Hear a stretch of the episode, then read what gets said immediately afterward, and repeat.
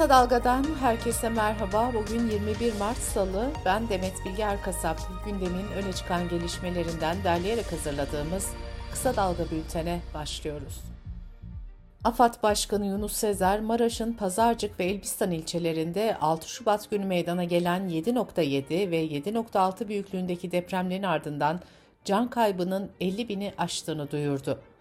Sezer, yaralı sayısının ise 107 bini geçtiğini belirtti.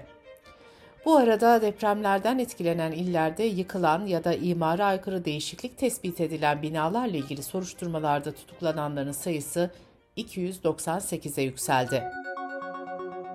Yüksek Seçim Kurulu'nun 14 Mayıs'ta yapılacak Cumhurbaşkanı seçimi ve 28. dönem milletvekili genel seçimine ilişkin takvimine göre seçmen listeleri muhtarlıklarda askıya çıkarıldı. Listeler 2 Nisan'da askıdan indirilecek ve itiraz süreci sona erecek.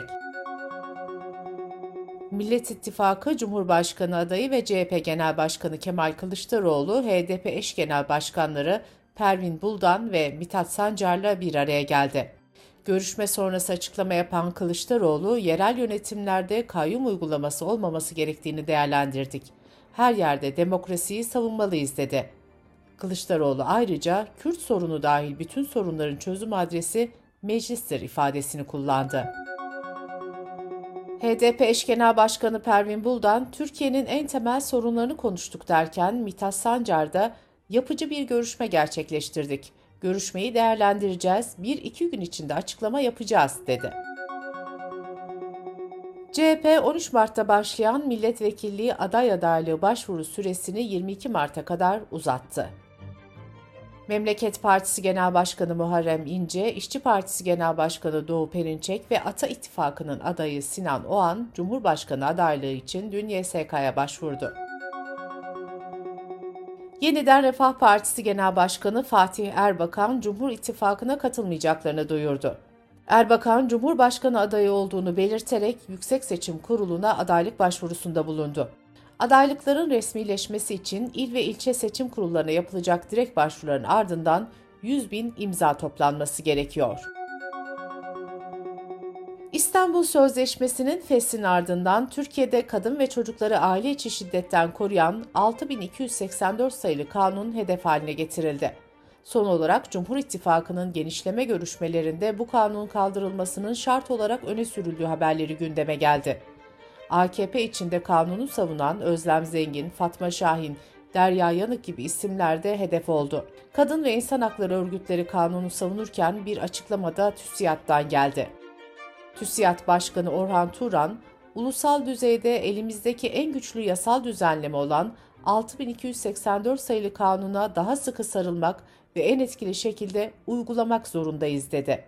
Depremden sonra oluşan tabloya da dikkat çeken Orhan Turan sözlerine şöyle devam etti. Şimdi çocuk yaşta evlilik, taciz, kadına şiddet gibi toplumsal yaralarla mücadelede çok daha hassas ve dikkatli olmak zorundayız.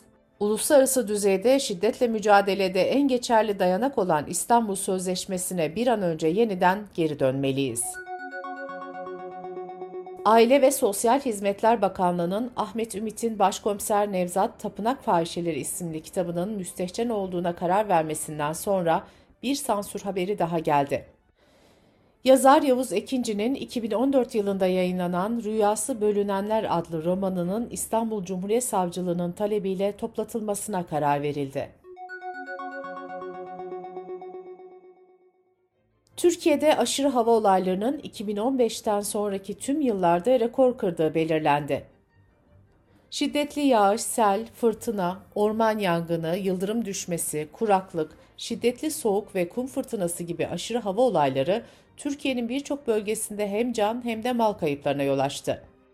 Meteoroloji raporlarına göre son 8 yılda aşırı hava olayları rekor seviyede arttı. 2021-2022 yıllarında binin üzerinde meteorolojik afet yaşandı. 2023'ün 2 aylık raporlarına göre ise Türkiye'nin önemli bir kısmında olağanüstü, çok şiddetli ve şiddetli kuraklık verileri dikkat çekti. Bu arada yağışların İstanbul'da mevsim normallerinin altında kalması barajları da etkiledi. Kentin barajlarındaki doluluk oranı son 11 yılın en düşük seviyesinde kaldı. Eskişehir'in yanı sıra Afyon, Denizli ve Kütahya'da 20 kızıl geyik avlanmasına yönelik ihale Eskişehir Hayvanları Koruma Derneği'nin başvurusu üzerine Afyonkarahisar İdare Mahkemesi'nce iptal edildi. Kısa Dalga Bülten'de sırada ekonomi haberleri var. Bankaların ticari kurumsal müşterilerinin günlük döviz alım limiti 5 milyon dolardan 2,5 milyon dolara düşürüldü. Ekonomi gazetesinden Şebnem Turhan'ın haberine göre Merkez Bankası yurt dışına para transferi işlemlerini daha sıkı takip aldı. Banka para transferine %5 de komisyon getirdi. Türkiye Fırıncılar Federasyonu Başkanı Halil İbrahim Balcı 300 gramlık Ramazan pidesinin fiyatını 10 lira olarak açıkladı. İstanbul Büyükşehir Belediye Başkanı Ekrem İmamoğlu ise Ramazan pidesinin halk ekmekte 5 liradan satılacağını duyurdu. Türkiye Ziraat Odaları Birliği Genel Başkanı Şemsi Bayraktar, Ramazan ayının yaklaşmasıyla üretici ile market arasındaki fiyat farkının 4,5 kata kadar çıktığını belirtti. Bayraktar, tedbirler zamanında alınmalı, gıda denetimleri artırılmalı dedi. Bu yıl ve geçen yıl Ramazan ayı öncesindeki fiyatlara göre markette 36 ürünün fiyatı arttı, 3 ürünün fiyatı düştü. Geçen yıl Ramazan ayı öncesine göre markette en fazla fiyat artışı %185 ile kuru soğanda görüldü. Krizdeki İsviçre Bankası Credit Suisse aynı ülkede rakip olan UBS Bankası tarafından hükümetin de desteklediği bir anlaşmayla satın alınarak kurtarıldı. İsviçre Merkez Bankası mali piyasalarda güveni yeniden sağlamak için bu anlaşmanın gerekli olduğunu açıkladı. Amerika ve Avrupa'da peş peşe gelen banka batışları küresel piyasaları tedirgin ederken ABD Merkez Bankası ve 5 büyük merkez bankasından likiditeyi arttırmaya yönelik ortak adım geldi. ABD, Kanada, İngiltere, Japonya, Avrupa ve İsviçre merkez bankaları ABD doları swap hattı operasyonlarının sıklığını arttırma kararı aldı. Dış politika ve dünyadan gelişmelerle bültenimize devam ediyoruz. Dışişleri Bakanı Mevlüt Çavuşoğlu 11 yıl aradan sonra Dışişleri Bakanları düzeyinde Mısır'a yapılan ziyaretle ilgili açıklamalarda bulundu. Çavuşoğlu ziyaret çerçevesinde yapılan görüşmeleri açık ve samimi olarak niteledi. Bakan Çavuşoğlu ayrıca 2013 yılından bu yana maslahat güzel seviyesindeki ilişkileri büyükelçi düzeyine çıkarmak için sürecin başladığını da dile getirdi. Uluslararası Ceza Mahkemesi Ukrayna'daki insan hakları ihlallerini gerekçe göstererek geçen hafta Rusya Devlet Başkanı Putin hakkında yakalama kararı çıkarmıştı. Ukrayna bu kararı yalnızca başlangıç şeklinde yorumlarken Rusya Dışişleri Bakanlığı ise bunun hükümsüz olduğuna dikkat çekmişti. Çin Dışişleri Bakanlığı da Putin'e yönelik yakalama kararına ilişkin bir açıklama yaptı.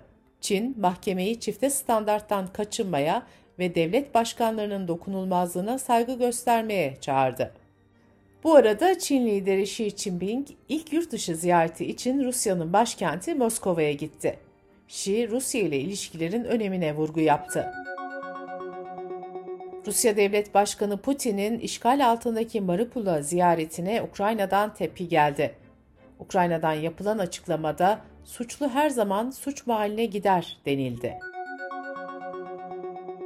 Fransa'da tartışmalı emeklilik reformunun meclis onayı olmaksızın yürürlüğe sokulması kararının ardından protestolar şiddetlenerek devam ediyor. Paris Belediyesi işçilerin grevi nedeniyle başkentin sokaklarına 10 bin ton çöp yığıldığını açıkladı. Yerel basının aktardığına göre Perşembe gününden bu yana gözaltına alınanların sayısı 500'ü geçti. Gözaltına alınanların çoğu serbest bırakılırken protestoların devam edeceği belirtildi. İsrail'de Başbakan Netanyahu'nun liderliğindeki aşırı sağcı koalisyonun yargı bağımsızlığına darbe vuran yasa teklifine tepkiler büyüyor.